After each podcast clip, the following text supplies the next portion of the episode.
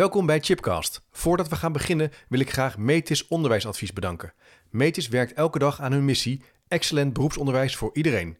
Kijk voor tal van inspiratie, praktijkvoorbeelden en praktische tools voor docenten en onderwijsleiders in het beroepsonderwijs op www.metis-onderwijsadvies.nl. Welkom bij Chipcast. Leuk dat je luistert naar een nieuwe aflevering. Chipcast is een wekelijkse podcast over onderwijs. Alles over didactiek, leren, samenwerken, pedagogiek, innoveren, onderzoek onderwijskundig leiderschap en ook soms een uitstapje naar de filosofie. En vandaag de gast in de studio is Anton Horreweg. Anton is leerkracht met ruim 40 jaar ervaring in het basisonderwijs. Hij heeft veel in achterstandswijken gewerkt, is gedragsspecialist en auteur van 18 onderwijsboeken, waaronder het handboek Gedrag op school, wat ik hier ook heb liggen, wat sommige collega's wel eerder hebben gezien in de boekenkast en recent nog in gesprek met ouders. Maar we gaan het specifiek hebben over een boek wat hij al iets eerder heeft geschreven, De Trauma-sensitieve school. Een andere kijk op gedragsproblemen in de klas. Anton, hartelijk welkom. Ja, dankjewel. Ja, heel echt leuk. veel zin in. Ja, nou, ik vind het ook echt uh, fantastisch leuk dat je er bent. Je nam nog twee andere boekjes mee. Ja, ik ga ze ook maar niet allemaal opzommen. Nee, je nee, nee, dat zou ik niet doen. niet jouw schuld. Een verschrikkelijke boek met een gouden boodschap. Ja. En uh, dit is een verschrikkelijk boek met een gouden boodschap. Ja, daar begon het mee. Daar begon, ja, daar begon het mee? Ja, na het traumaboek is dat gekomen speciaal voor de kinderen uit mijn klas, zeg maar. Zo van, uh, wat, we praten vaak over kinderen. En het is leuk om ook eens met kinderen te praten. Ja, maar dus je, je, je, hebt, en, en wat maakte dat je dacht, ik ga dat ook schrijven? Want dat, je hebt altijd geschreven voor docenten, leerkrachten, uh, onderwijsexperts. Ja, dat, dat was echt heel raar. Een ingeving in de grote vakantie. Dat ik dacht, ja, dat is leuk zo'n traumaboek. Dat is er nu een paar jaar. Uh, en dat gaat natuurlijk over kinderen die in de knel zitten. Ja. Maar wie praat er met die kinderen die in de knel zitten? Eigenlijk niemand. En als je dat wil, hoe doe je dat dan? Ja, en toen heb ik, heb ik in de grote vakantie heb ik dat boek geschreven oh. uh, in kindertaal. Ik heb Iva Bika niet uh, een paar dingetjes laten meelezen, omdat ik denk, ja. ja. spannend onderwerp, kan dat wel? Maar het kan prima en ja, het blijkt ook nog te werken. Dat is ja. allemaal super. Wow. Nou, we gaan toch wel hebben over wel een heftig thema, een belangrijk thema. Hè? Ja. Trauma-sensitieve school. Het gaat dus over ja, kinderen die uh, hele heftige dingen meemaken, waar je toe te verhouden hebt op school. Um, en een andere kijk op het. Uh, ja, een andere kijk op, het, op de gedragsproblemen in de klas. Ja. En misschien om even te starten, Anton, Anton, hoe ben je nou. Ja, wat maakt dat je hier zo in bent gaan verdiepen en ook hiermee aan de slag bent gegaan?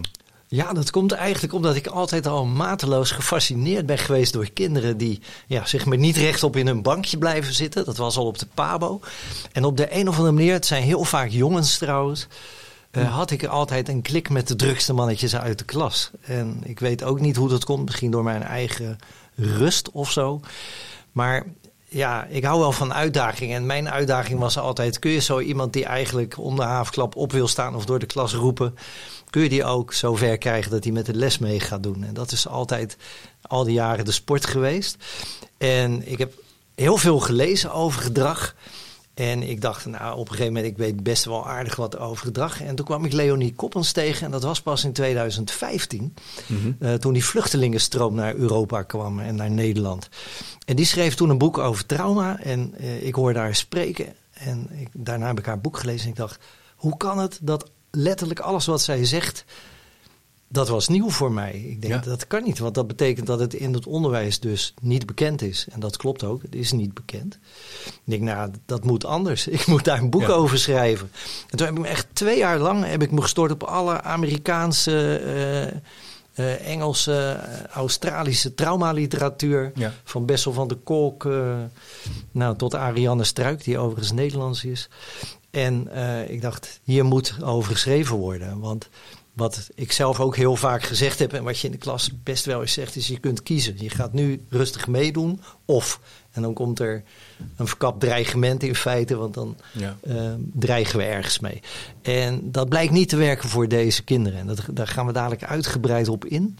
Maar zo is dat uh, dus gekomen dat ik dacht, ja, als je dit weet, dan kijk je toch net met een wat mildere blik, noem ik het altijd. En ja. Dat helpt. Dat helpt deze kinderen heel erg als je dat kunt. Wauw, en, en dus ja, ik moet al meteen denken, die, die keuze die je geeft aan leerlingen, die herken ik zelf ook wel in mijn Ja. tijd. eh, van, eh, maar dat werkt dus bij sommige leerlingen niet. Nee. En kan je misschien nou een tipje van de sluier lichten? Wat maakt nou Ja. dat, dat, wat gebeurt er dan? Dat kun je heel kort zijn, eigenlijk, eigenlijk zeg je op het moment dat jij zegt je kunt kiezen, je gaat nu meedoen of, of je Ja. gaat eruit bijvoorbeeld, Ja. dan ga je dus vanuit, het kind kiest bewust voor het gedrag wat hij laat zien. En ook al kiest hij er misschien niet heel erg bewust voor, hij heeft wel de mogelijkheid om het nu te stoppen, als ik het dat vraag. Ja. En dat valt een beetje tegen, omdat kinderen die getraumatiseerd zijn last hebben van triggers en in fight, flight, freeze komen. En dat betekent dat je onbewuste eh, systeem het overneemt op dat moment, want je bent volgens dat systeem in gevaar. En dus handel je instinctief als het ware. En dan word je of heel druk, of je trekt je terug, of je wordt boos. Het kan allemaal, maar je hebt daar niet direct een keuze Nee, nee. over. Want je zit enorm onder de stress, zeg maar. Ja, dus, die, dus leerlingen of kinderen hebben iets meegemaakt. En die situatie in die klas die brengt ze als het ware terug in die situatie. En dan neemt er iets anders in het brein het over. Ja, dan, Zeg dan neemt je overlevingsdeel het eigenlijk over. Het Ja. limbisch systeem, wat, Ja. wat gevaar moet detecteren, neemt het over. Eh, en dat is veel sneller en, en veel sterker dan je neocortex. Dus eh, dat gebied, eh, ja, dat wint het. En Ja. dat betekent dat je bijvoorbeeld impulsief handelt. en ja, dan is het al gebeurd voordat, voordat je kunt kiezen. Ja. En wanneer, wanneer spreek jij nou van een trauma? Nou, daar is een officiële definitie Mhm. voor. Trauma is een wond in de geest. En dat wil eigenlijk zeggen dat je traumaklachten ontwikkelt. Dan moet ik eerst even naar de ACE, de ingrijpende gebeurtenis. Eh, als je ingrijpende dingen meemaakt, en dan moet je echt denken aan eh, vaak aan eh, levensgevaarlijke dingen, of als je thuis onveilig opgroeit, dat noemt men ACEs. Eh Adverse Childhood Experiences, ingrijpende gebeurtenissen in je jeugd. En als je die meemaakt, dan kan het zijn dat die zo heftig zijn dat jij er niet mee om kan gaan. En op het moment dat je er niet mee om kunt gaan, word je als het ware overweldigd door die gebeurtenissen. Of één gebeurtenis, kan ook. En dan ontwikkel je traumaklachten. En dan krijg je bijvoorbeeld herbeleving, of je krijgt nachtmerries, of eh, je kunt niet meer slapen. Eh, en, dan, word je echt beperkt in je functioneren, zeg maar. Dan, dan heb je PTSS waarschijnlijk, heb je traumaklachten. En wat is, wat is Eh, PTSS? PTSS is posttraumatic eh, stress syndroom. Ja, dat wat ik toch associeer met eh, mensen die in het leger bijvoorbeeld Ja, hebben gezeten of iets. Ja, en Ja. dat doen de meeste mensen. Ja, oké, dan, denk je, ja. dan denk je, ja, soldaten in de oorlog, die hebben dat. Ja, dat klopt. Die hebben dat ook vaak. Maar ook vluchtelingen hebben het. En het kan ook van kleinere gebeurtenissen. Eh, stel dat je thuis heel zwaar hebt. Dat je ouders bijvoorbeeld niet naar je omkijken. Ja. En je hebt heel veel steun aan je hond. Eh, dus je houdt het vol, want je hebt je hond. Hè, daar, daar vind je troost bij. En op een gegeven moment gaat je hond dood. Dan kan dat net de druppel zijn. Ja. En dan is die stapeling aan gebeurtenissen en ellende... zorgt ervoor dat je traumaklachten ontwikkelt. Ja. En, en dat is de, je ziet het eigenlijk aan de, aan, aan, aan de klachten, aan de gevolgen Ja. eh, van leerlingen. Ja, alleen in de, klas, in de klas zie je eh, bepaald gedrag. Nou, dat zie je eigenlijk ook als kinderen ACEs meemaken. En eh, wij zijn geen psychologen, dus ik kan niet zeggen wanneer het een trauma is geworden. Nee. Hooguit als een ouder zegt, nou hij heeft trauma eh, behandeling of zo. Maar de klachten die, of de, het gedrag wat je ziet, is eigenlijk eh, ja, een soort in, in basis hetzelfde. Want dat is heel vaak Hm. impulsief gedrag, snel boos zijn, snel Ja. ontregeld zijn. Of je helemaal terugtrekken uit contact. En ja, dat zie je bij trauma dan misschien in wat heviger mate. Maar als je ACEs meemaakt, heb je hetzelfde. Men heeft wel eens onderzoek gedaan in Amerika. Zeker als je veel ACEs meemaakt. En dan moet je denken aan drie, vier of meer. Ja, de opeenstapeling van gewoon hele Zo, nare dingen. Dan, ja, precies. En dan krijg je dus, eh nou, één op de twee heeft dan leer- en gedragsproblemen. Ja, Dus ja. Wauw. Dat is best Dat heftig. is wel heel heftig en ook wel echt fors dus. Ja, en eh, het probleem is, zeker als kinderen ouder worden. Eh, ja, als een kind zes is, dan begrijpen we nog wel dat hij impulsief is of boos is, eh, snel boos is en dat niet onder controle heeft. Mhm. Maar als je 16 bent, dan verwachten mensen dat je dat allemaal geleerd hebt. Ja. Dan ben je al best zo van, hè, nu moet je al een beetje volwassen zijn. Ja, precies. en dan heb je dat dus niet. En dan heb je dat niet, want je hebt jezelf in de hand. Maar dat is nou net het probleem. Als, als er dingen aan trauma of aan ACE doen denken, dan heb je enorme stress. Tja. En dan heb je jezelf niet in de hand. En dat beseffen, hoe dat in elkaar zit, eh, ja, helpt docenten om te zorgen dat ze het niet op zichzelf gaan betrekken. Want het komt niet door jou. Het is niet zo dat jij geen orde kan houden of een vreselijk slechte les geeft dat het daardoor komt. Dat is het niet. Het heeft te maken met die leerling. Ja, die laat bepaald gedrag zien waar die eigenlijk nog niet zoveel aan kan doen. Nee, daar kan hij inderdaad niet zoveel aan doen. En hij kan het, noem het even, afleren op het moment dat, het, dat die leerling onbewust weet, in deze school, in deze klas is het veilig. Hier zijn mensen die onbegeven. Maar tegelijkertijd, als je onveilig opgroeit, dan heb je een wereldbeeld wat juist in tegenspraak daarmee is. Dan denk je, ja, volwassenen, ja, daar moet je van wegblijven. Je gaat niet zomaar je kwetsbaar opstellen, dus je, je, gaat, je blijft de kat uit de boom kijken. Ja, bijvoorbeeld. Of je gaat in de aanval. Of je gaat in de aanval. Wat, wat, wat kan je dan zien bij, uh, bij jongeren die wat ouder zijn? Qua, qua, heb je voorbeelden van dingen die je kan meemaken dan waarvan je kan zeggen van dat is dan wel. Dat heeft misschien iets te maken met wat ze eerder hebben meegemaakt. Waar, maar moet dan aan denken? in de eh, aanval zei je al, dus dat is misschien heel agressief reageren. Ja, ja, ja de, de, hoeft, over het algemeen kun je zeggen, dan gebeuren er vaak, noem het even, kleine dingen in de klas waarvan jij denkt, nou, het stelt niet zoveel voor. Nee. Ehm, en, en dan gaan ze compleet uit hun dak.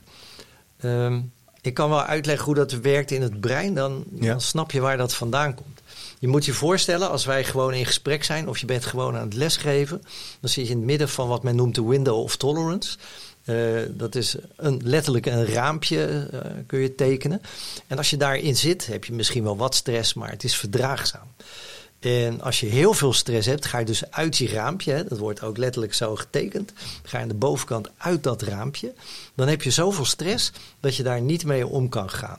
En dat gebeurt uh, bij die jongeren als ze dingen meemaken. Hè, want dan is de stress zo hevig, anders was het geen ingrijpende gebeurtenis, dat, dat het veel impact heeft. Ja. Als er dan iets komt wat jou daaraan doet herinneren, onbewust, dan krijg je die enorme stress weer. Ja, ja. Want er is een soort koppeling gemaakt. Stel dat jij hebt geleerd van nou, als mijn vader boos kijkt, nou, dan word ik zo meteen uitgescholden of dan krijg ik klappen of nou, noem maar andere onprettige dingen. Uh, dat wordt opgeslagen, hè, want dat geeft enorme stress. Want je vader, daar zou het veilig moeten zijn. Je bent heel alert ja, op. Dus daar ben je alert op, onbewust. En dan kijk ik in de klas boos naar een leerling. Hoeft niet eens deze te zijn maar naar een andere. Maar dan wordt die koppeling als het ware actief van... hé, hey, hij kijkt boos, ja. nu ben ik in gevaar. En de een reageert dan door zich terug te trekken. De ander wordt druk. De volgende uh, gaat vervelende dingen roepen. Dat, dat weet je niet van ja, tevoren. Je stapt uit dat raampje. Je stapt uit, als het ware uit dat raampje. En dat zijn dus eigenlijk triggers. Want je noemde in het begin ook even triggers. Dat zijn ja. eigenlijk dus herinneringen aan vroeger. Die triggeren bepaald ja. een herinnering en dus ook gedrag. Ja, die lokken gedrag uit. Lokken gedrag uit. Ja, ja klopt. Ja, ja. En, maar dit lijkt me wel soort, ja, een gemiddelde leerkracht is ja natuurlijk steeds meer gelukkig hè, door jouw werk. En mm -hmm. uh, hiermee bewust. Maar de, dit, is wel, dit vraagt natuurlijk wel hele specifieke expertise. En je kan het wel in je klas natuurlijk hebben. Ja, en sterker nog, uh, je kunt bijna zeker zijn dat het in je klas zit. Ja? Uh, er is onderzoek naar gedaan, uh, nog vrij recent, 2021, door Kees Hoefnagels van de Universiteit Utrecht. Ja, ja. Die, die heeft uh, onderzocht hoe het zit op het, uh, het SBO en SO en ik geloof ook VSO. En daar variëren de percentages van kinderen die dus ja, onveilig opgroeien en dit soort dingen meemaken zo ruwweg tussen de 74 en 98 procent. Jeetje. Dus dat is een enorm aantal.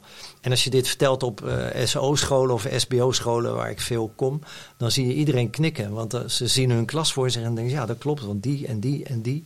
Maar ook in het regulier onderwijs moet je ervan uitgaan dat er gemiddeld minstens één leerling is. En er zijn heel veel mensen die zeggen, nou ik weet zeker dat het te veel meer zijn.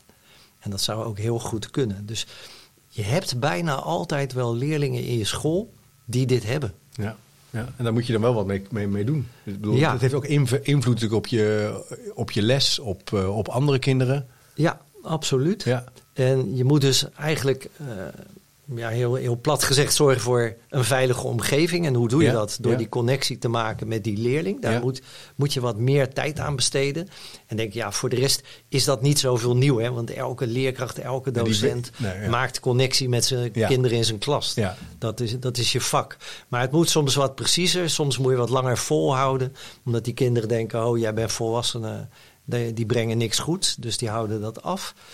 Eh, en je moet een hele gestructureerde leeromgeving neerzetten. Ja? Ja, absoluut. Omdat voor een getraumatiseerd brein is, is kortweg gezegd: alles wat niet duidelijk is, is onveilig. Dus het helpt heel erg als je in je schoolroutines hebt, als je in je klasroutines hebt. Uh, en Wat voor routines moet je dan aan denken? Uh, nou, laten we iets simpels nemen. Als je de klas binnenkomt, ga je op je eigen plek zitten en er ligt een startopdracht. Ja. Of als je binnenkomt, ga je lezen. Ja. En voor mijn part zeg je, als je binnenkomt, ga je tien rondjes rennen. Ja. Maar we doen het elke dag. Ja, voorspelbaarheid. Het moet voorspelbaar zijn. Ja, ja. Uh, het helpt deze kinderen heel erg als ze van tevoren weten waar ze aan toe zijn. Ja, ja. Want, want je hebt hier je hebt in dit boek ook geschreven een manier om dit eigenlijk aan te pakken. En nu noem je eigenlijk al één, zou kunnen zeggen, voertuig, voorspelbaarheid, structuur, hoe je om kan gaan met trauma. Maar hoe, hoe zouden we dit nou moeten benaderen als je nu luistert als leerkracht of als team en je zegt, nou ja, we willen hier wat mee. Hoe, hoe start jij dan? Hoe kijk jij dan? Uh, nou, ik denk dat allereerst belangrijk is om, om gewoon die kennis te hebben. Ja. Uh, omdat je dan snapt waar het gedrag vandaan komt. En dan kun je je onderwijssituatie bekijken en kun je kijken van wat doe ik al? Want je zult merken, heel veel doe ik al. Wat ik net zei, ja, natuurlijk maak je contact je. met leerlingen. Alleen, niet iedereen vindt een routine belangrijk om maar wat te noemen. Nou, dan zou je uh, binnen je team kunnen kijken van oké, als dat nou zo belangrijk is, zijn er misschien een paar momenten die je gewoon in je hele school hetzelfde zou kunnen hebben of per bouw hetzelfde. Ja. Nou, dat zijn hele simpele dingen die voor alle kinderen goed zijn. Want uh, laat dat duidelijk zijn, heel veel van wat hierin staat is niet voor die één of twee die jij in de klas denkt hebben, maar nee. is gewoon goed voor je hele klas. En heel veel dingen doe je al. Alleen je moet ze soms wat aanscherpen. Ja, dus wel toch een gemeenschappelijke visie hier proberen uh, te ontwikkelen. Kennis, ja. snappen waar, hoe het werkt ook. Ja. Trauma, dingen die je net al zei, zijn voor mij ook wel een eye-opener. Denk, hey, blijken die triggers, her, herinneringen aan eerdere gebeurtenissen, geen controle meer op gedrag, dat ook begrijpen met elkaar. Ja casuïstiek bespreken. Dat is al een punt wat je. belangrijk. Wat, je, wat, wat gebeurt. Ja, het is misschien een beetje een duistere vraag, maar toch. Als, wat gebeurt er nou met leerlingen waar hier niet op. Waar, ja, waar je niet op mee aan de slag gaat en niks meer doet, vallen die dan uit? Is daar ook een groter risico op, uh, ja, uitval? Er is zeker risico op uitval. Dat is een van de redenen waarom ik hier toen mee begonnen ben. Ja. Om, omdat wat ik net al zei, eh, als, ik, als het een kleuter is, nou, dan snappen we alles nog wel een beetje. Ja. Maar niet meer als die in de bovenbouw zit of in het VO. Dus uh, als je er niks mee doet, zie je dat die kinderen uitvallen op gedrag en op leren. Uh, of eerst op leren en, en, dan wordt het gedrag minder goed. Want ja, dan hebben ze het opgegeven. En het helpt heel erg als je ze ondersteunt daarin. En als je uh, die structuur dus neerzet en snapt waar het vandaan komt. Ja. Dan kun je ze prima binnen bord houden. Er is onderzoek naar gedaan dat als, als je niks doet, tussen aanhalingstekens, nou, dan verzand je in straf, eruit sturen, schorsen. Ja, school verlaten. School verlaten uiteindelijk. Ja, ja, Dus het is echt wel een hele grote. Dus ook, ook zou je kunnen zeggen, qua nationaal belang is het heel belangrijk om hier uh, met elkaar gewoon uh, expertise op te ontwikkelen. Ja, absoluut. En het, het is ook goed dat uh, Leonie Koppenstad toen begonnen is ja. en dat hij een hele grote inkvlek heeft ik heb ook ondertussen een behoorlijke inkvlek gemaakt hiermee. En je ziet dat mensen het snappen. En, en dan ook merken van, oh, maar dat geeft ook rust bij mij als leerkracht.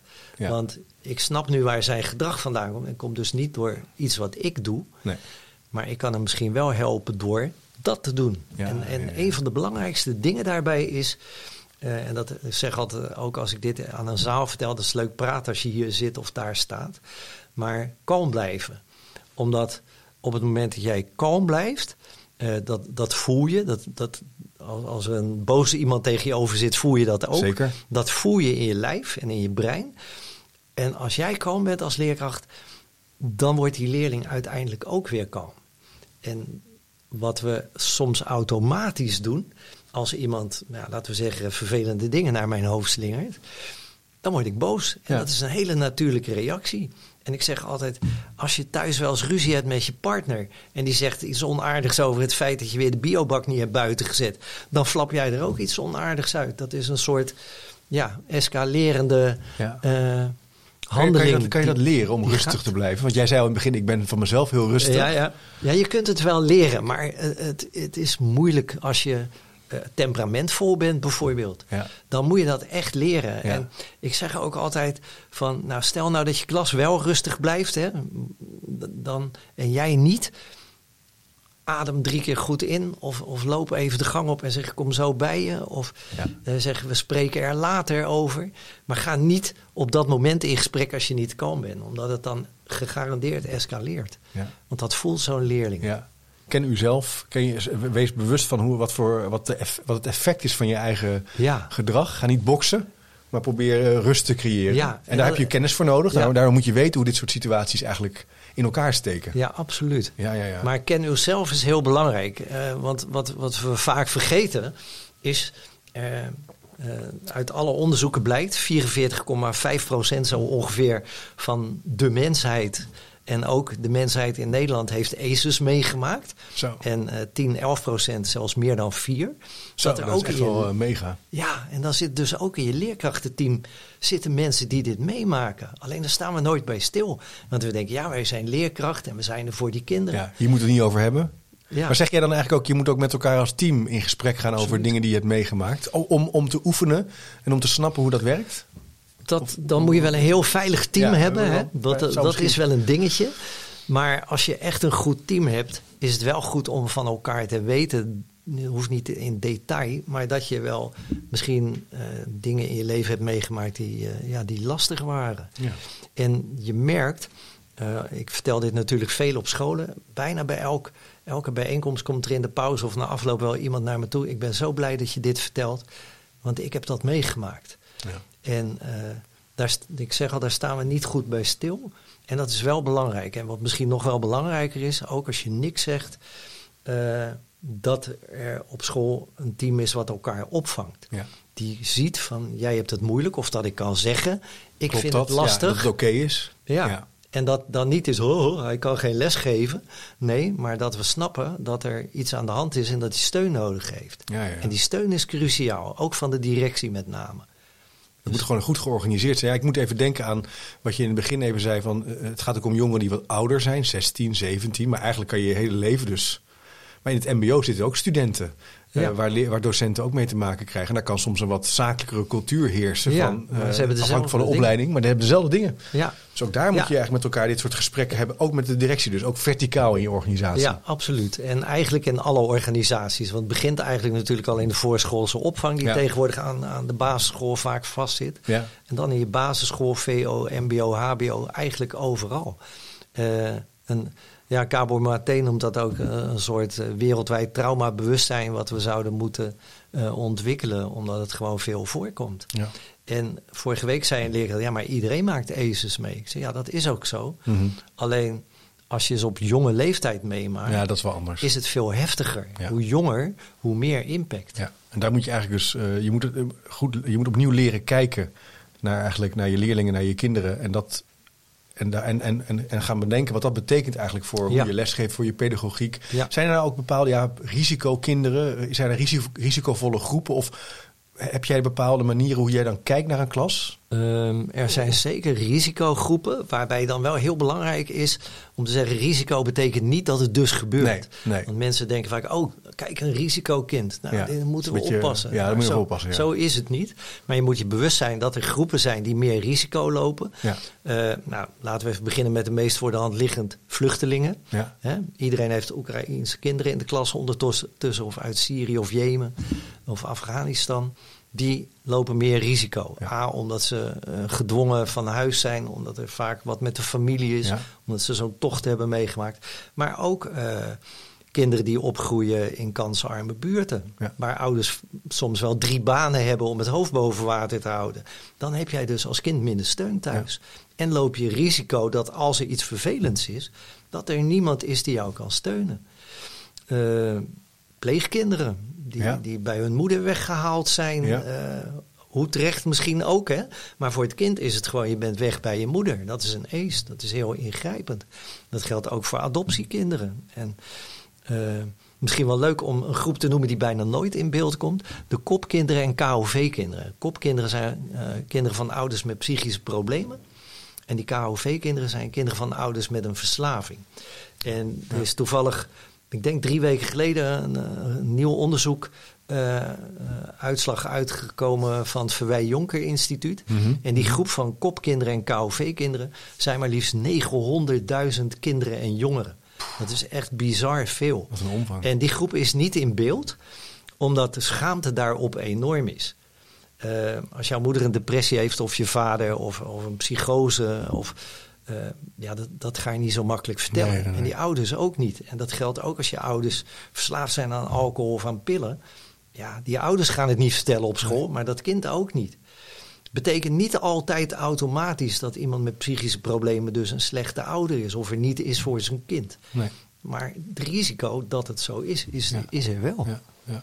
En hoe, hoe, hoe, hoe kan je nou, kan je, hoe kan je nou een traumasensitieve school worden? Ja, dat is natuurlijk werk en uitvoering. Denk dat je daar nooit klaar mee bent. Maar zijn Nee, er nou klopt. een aantal bouwstenen te noemen waarvan je zegt, nou, daar zou ik dan wel wi- willen beginnen? Je hebt ook een aantal dingen al wel genoemd hoor. Maar Ja. Ja, als je, als je kijkt, eh, wat is de basis? Dat is deze kennis voor iedereen in school. Ja, En met ja. iedereen bedoel ik eigenlijk ook het onderwijs ondersteunend personeel, eh, de conciërge, eigenlijk in het, in het ideale geval de- de TSO ook. ja, Iedereen. Dus je, je hebt die kennis en dan ga je kijken naar je, naar je pedagogisch handelen en je leeromgeving. Als ik nou dit weet en ik weet bijvoorbeeld dat een kind duidelijkheid nodig heeft. Dat hebben alle kinderen nodig trouwens, maar deze wat meer. Ehm, waarom? Omdat voor een getraumatiseerd brein alles wat onduidelijk is, is onveilig.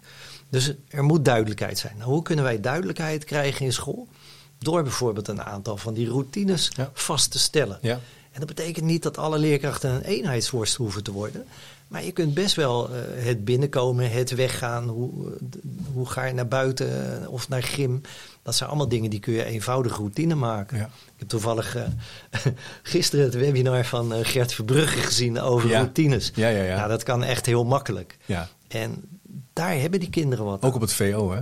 Ja, ook ja, op want het. VO-school. Ja, ja, dat kan gewoon. Ja, dat helpt al. Dus daar kan je over nadenken. Kan je over in gesprek gaan met elkaar. En, en tegelijkertijd denken dan sommige leraren en docenten nu, ja, maar die routines die hebben wij al. Nou, dat is goed, dan heb je al een bouwsteen. dan bouw je er gewoon op, ga je er mee door. Dan ga je daar gewoon op verder, want het is niet iets voor een paar kinderen. Het is gewoon inbedden in, in je schoolorganisatie. Ja, maar heb jij daar, hou je ook een pleidooi voor met elkaar, ja, PLG-achtig, hè? dat je dus met elkaar kan Ja. samenkomen? Dat lijkt me ook, ook een, ja. Absoluut. Ja. Ja. en wat je net ook al noemde, intervisiemomenten. Intervisie, ja. zijn, zijn ook heel belangrijk.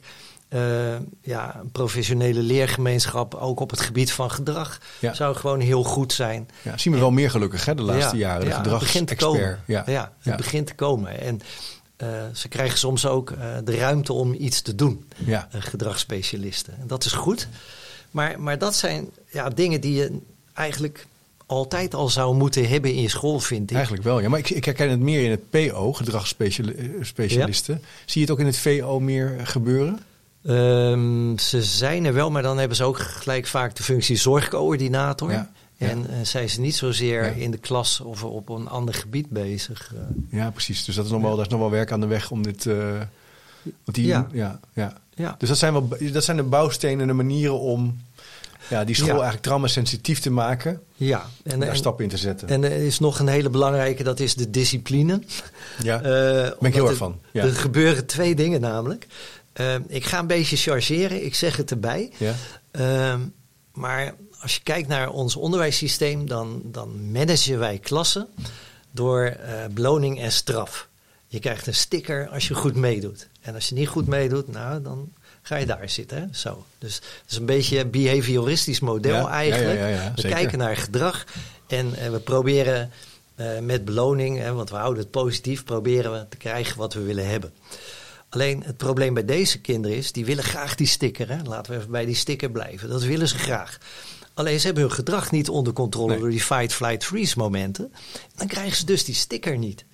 En ja, dat demotiveert op den deur. Want je, vanuit kinderbeleving krijgen al Ja. die anderen wel, maar Ja, alleen en ik niet. Want Zit je te falen? Ja, precies. En je hebt al een zelfbeeld van ik ben niks, ik kan niks. Want dat hoort bij het hebben van ACEs.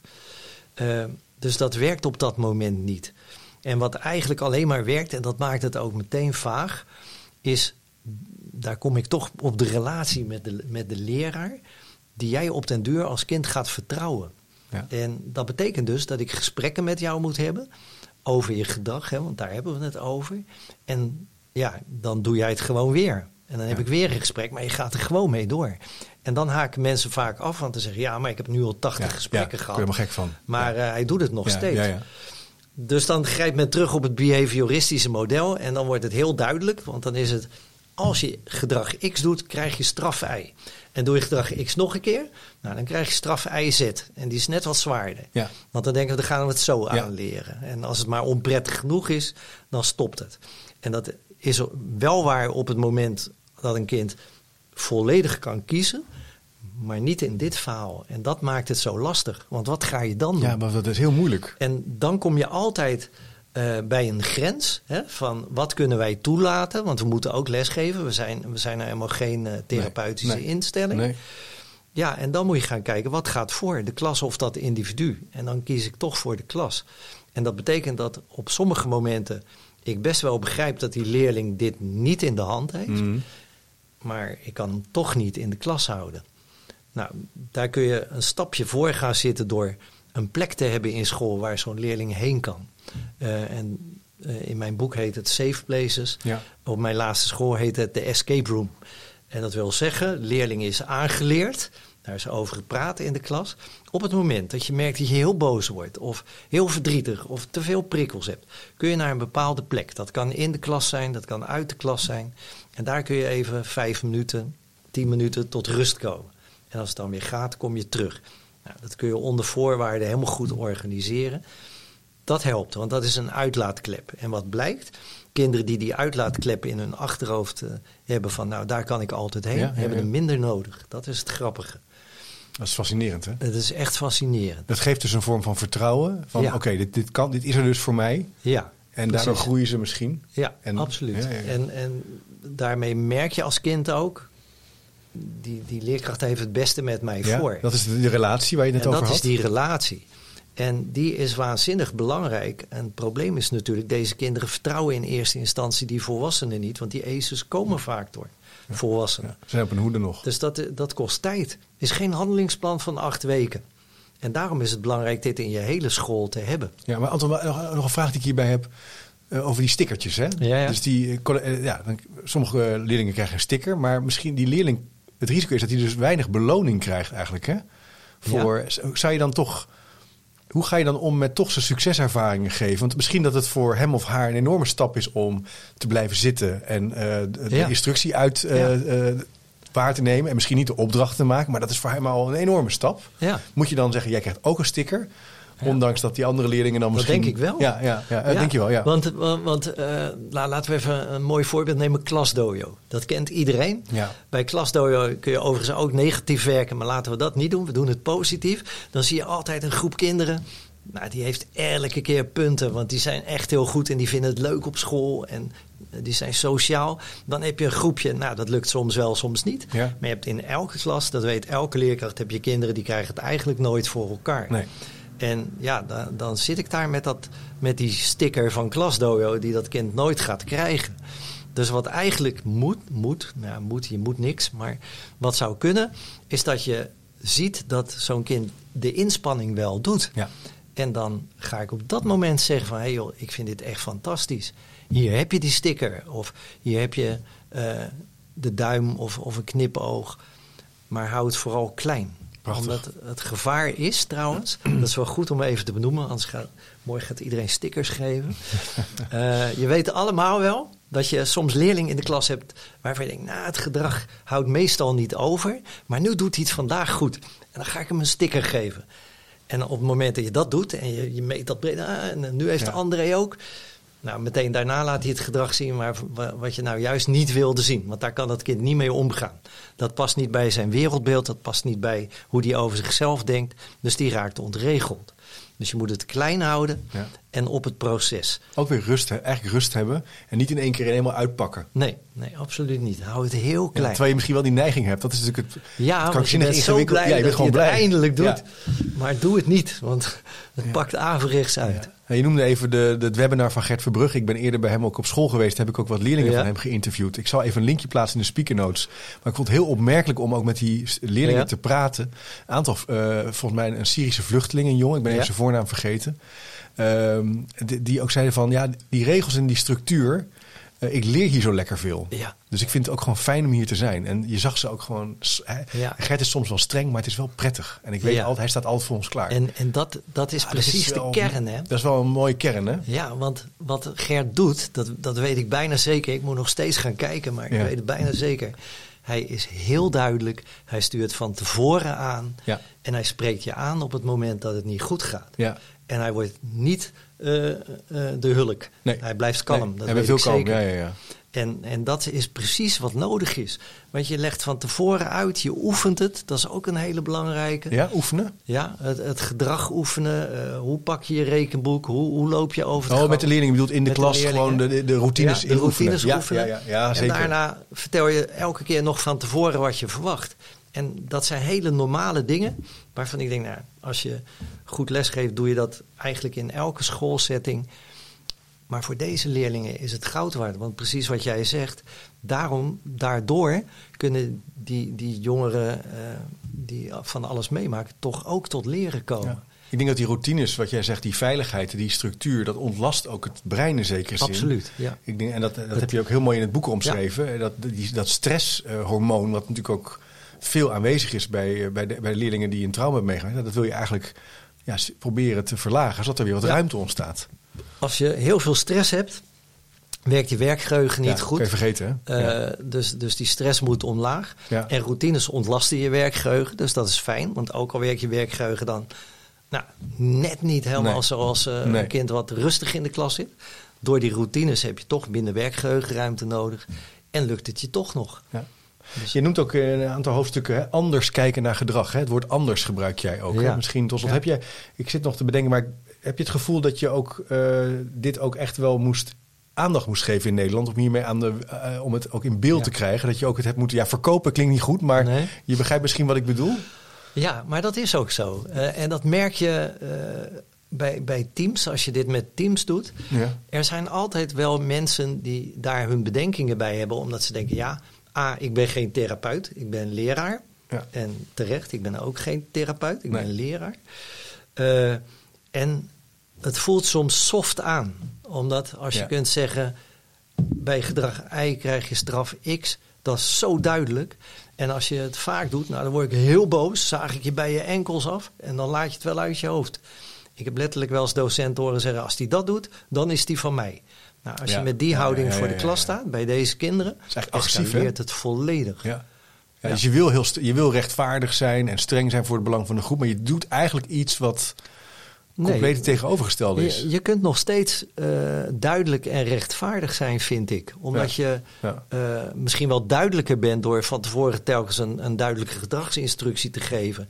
Ja. En die leerling waar we het nu over hebben, die dat nog niet kan, om daar snel in de buurt te zijn. Ja. Of die leerling bij je te Ja. roepen of er Ja, naartoe te is gaan. helemaal niet soft. En, en dan te Nee. zeggen van, hé hey joh, ik zie dat het niet lukt. Zal ik, eh, zullen we het samen doen? Maar we gaan het wel doen. Want als je door de klas blijft roepen, ja, dan kan ik geen les geven. En dat wil jij ook niet, maar jij wil ook leren. En dat is ook zo. Ze willen ook gewoon leren. En ze willen het liefst ook gewoon zijn zoals alle kinderen. Ja, meedoen hè. Ja. En gewoon zijn zoals, dat zeg je heel mooi inderdaad. Dus het is ook belangrijk, want zo kom je ook tot leren. Hè? Met, deze, met die trauma, Ja. trauma perspectief en die expertise is een manier om eigenlijk tot leren te Ja, komen. en, en ja, nogmaals, we zijn een school. Hè? En school is wat mij betreft een, een plek waar je op elk gebied veel moet leren. Ja. En wij moeten de, eh, de voorwaarden daarvoor scheppen. Ja. Eh, dus het helpt mij alleen maar om eh, uiteindelijk die pedagogiek te gebruiken om de didactiek goed te kunnen uitvoeren. Daar komt het eigenlijk op neer. Misschien als laatste vraag, wat ik me nog afvroeg in de voorbereiding. Van, je hebt zoveel boeken geschreven over toch een heel heftig thema. Wat, wat, heeft het Ja. nou, wat doet het nou met jou persoonlijk? Eh, Eh, wat neem ja. je daarin mee als je dan in de auto zit? Of, Ja, nou ja, soms raakt het echt. En, en met name toen ik zelf voor de klas stond en soms verhalen van kinderen hoorde. Ja. Ik weet nog heel goed om, om te illustreren hoe heftig het kan zijn. En dat is echt al 30 jaar geleden. Ik had een meisje in de klas waar ik heel moeilijk contact mee kreeg. Uiteindelijk had ik dat contact. En ik wist, haar vader zit in de gevangenis. En eh, nou, het begon net een beetje goed te gaan. Hè. We hadden eigenlijk best wel een speciale band gekweekt. En toen werd haar moeder opgepakt voor drugsmokkel. En die ging ook de gevangenis in.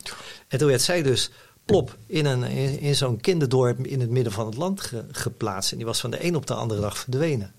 Nou, daar heb ik echt veel last van gehad. Ja. En zelfs nu nog, als ik daar te lang over nadenk, denk ik, ja, dat moet ik niet doen. Daar Nee, krijg ik last nee, van. Snap ik. Dus het, het, het raakt. Maar wat mij eh, op de been houdt, is dat zowel collega's die, die, ja, die ACEs hebben meegemaakt, als, als volwassenen die dit meegemaakt hebben, eh, maar niet op school staan, en kinderen, zeggen: Ik ben zo blij dat. eh, die kinderen, dat, dat we geholpen worden. Dat, we- dat we het samen doen met, met de juf of de meester. En volwassenen zeggen, ik ben zo blij dat dit een podium krijgt. Ja. Want ik herken me zo in dat jonge kind wat op school niet gezien werd. Ja. En eigenlijk voor dom versleten werd. Of eh, ja, constant op zijn kop kreeg. Terwijl ze helemaal niet dom waren, maar ze hadden al die dingen in hun hoofd. En als, als je als leerkracht ja, op de een of andere manier kan bijdragen aan, aan ja, beter in je bankje zitten, noem ik het maar. Ja, dat, ja, begin daar doe ik het voor. Ja, beter in je bankje zitten. Prachtig, Ja. Anton. Nou, je hebt echt een paar hele mooie boeken geschreven. Ik heb ze lang niet allemaal gelezen. Ik denk wel de meeste. Maar het is echt wel, eh, ja, toch wel belangrijk standaard werk. De traumasensitieve school kan ik echt aanraden. Is ook heel sterk wetenschappelijk gelardeerd met tal van bronnen. Maar je hebt natuurlijk ook die twee hele mooie boekjes die, eh, ja, voor, voor kinderen, hè, Ja. voor leerlingen, voor ouders ook heel eh, mooi. Het standaardwerk handboek gedrag op school. Ik zal even de linkjes ook op de speaker notes zetten. Dan kan je eventueel meteen ja, bestellen als je dat wil. Anton, dankjewel voor je tijd. Graag gedaan. We zijn lang niet klaar, maar eh, ja, ik vond het heel fijn om hier met je over te praten. Belangrijk thema. Best luisteraar, eh, ik vind het leuk als je nog even wat laat horen wat je van het gesprek vond. Kan via chipcast.nl, via de voicemail of via een berichtje. En dan kom ik daar zeker op terug. Bedankt voor het luisteren en tot de volgende keer. Dankjewel Anton.